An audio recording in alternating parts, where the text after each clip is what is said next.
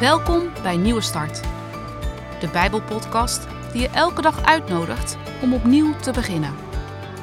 Soms kan het leven ingewikkeld zijn, maar je hoeft het niet alleen te doen.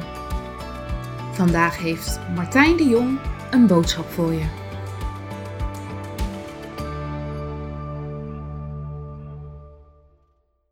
Een nieuwe start. Dat is eigenlijk alleen nodig als de vorige niet gelukt is. Een nieuwe start maak je omdat het vorige anders liep dan gedacht of gehoopt. Er kunnen allerlei dingen langskomen of gebeuren in je leven die ervoor zorgen dat je een nieuwe start wil maken of moet maken. Soms is dat je eigen schuld, soms die van een ander. En vandaag luisteren we in deze podcast mee naar het verhaal van Noach. Misschien ken je het wel van de plaatjes. Noach die een ark bouwt. Een grote houten boot waar aan alle kanten giraffennekken en olifantenslurven uitsteken.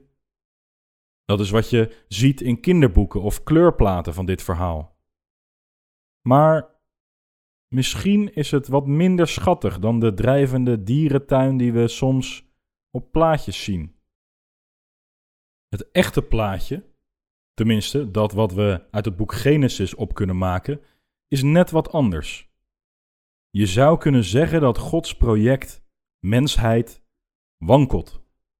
Het heeft al een flinke deuk opgelopen in de eerste hoofdstukken van Genesis, maar nu lijkt het gedaan.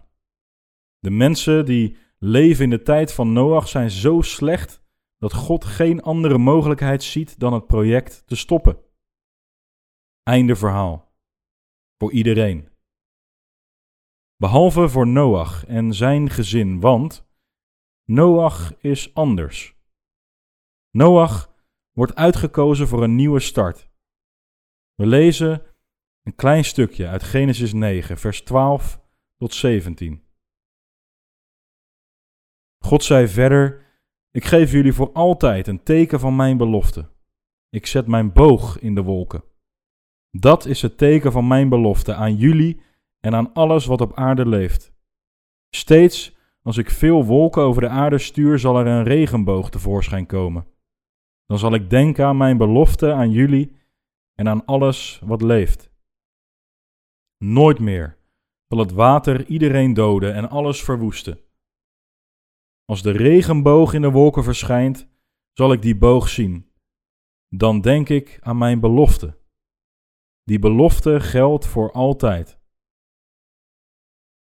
God belooft dat hij nooit meer op zo'n definitieve en massale manier een einde zal maken aan het leven op de aarde.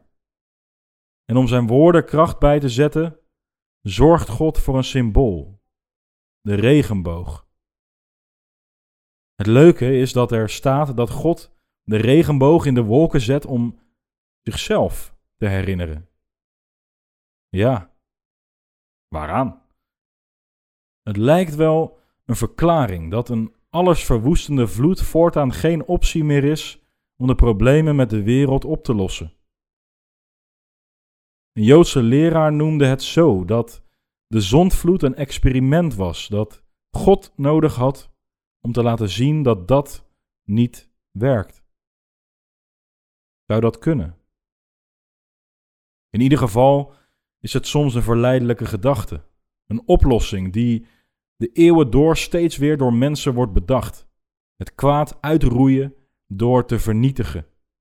Het kwaad, of dat wat in jouw ogen het kwaad is, en de kwaadwillige in één grote beweging wegvagen. De bezem erdoor, weg ermee. Soms voel jij je misschien ook wel overspoeld door het kapotte, het donkere. Hoe reageer je daarop? Het is misschien wel verleidelijk om te denken dat je bepaalde problemen opgelost zouden zijn als andere tot zwijgen gebracht zouden worden. Als er alleen mensen zouden zijn zoals jijzelf, die het snappen. Nee, zo niet meer, zegt God. Geen zondvloed, geen uitroeiing. Ik kies een andere weg. De wereld gaat nooit meer helemaal kapot. Desnoods ga ik zelf kapot maar ook dan maak ik iets nieuws. Neem dat mee vandaag. Dat het nooit meer helemaal kapot gaat. Hoe kapot of zwaar de dingen ook kunnen zijn, wat jouw verhaal ook is, het gaat nooit meer helemaal kapot.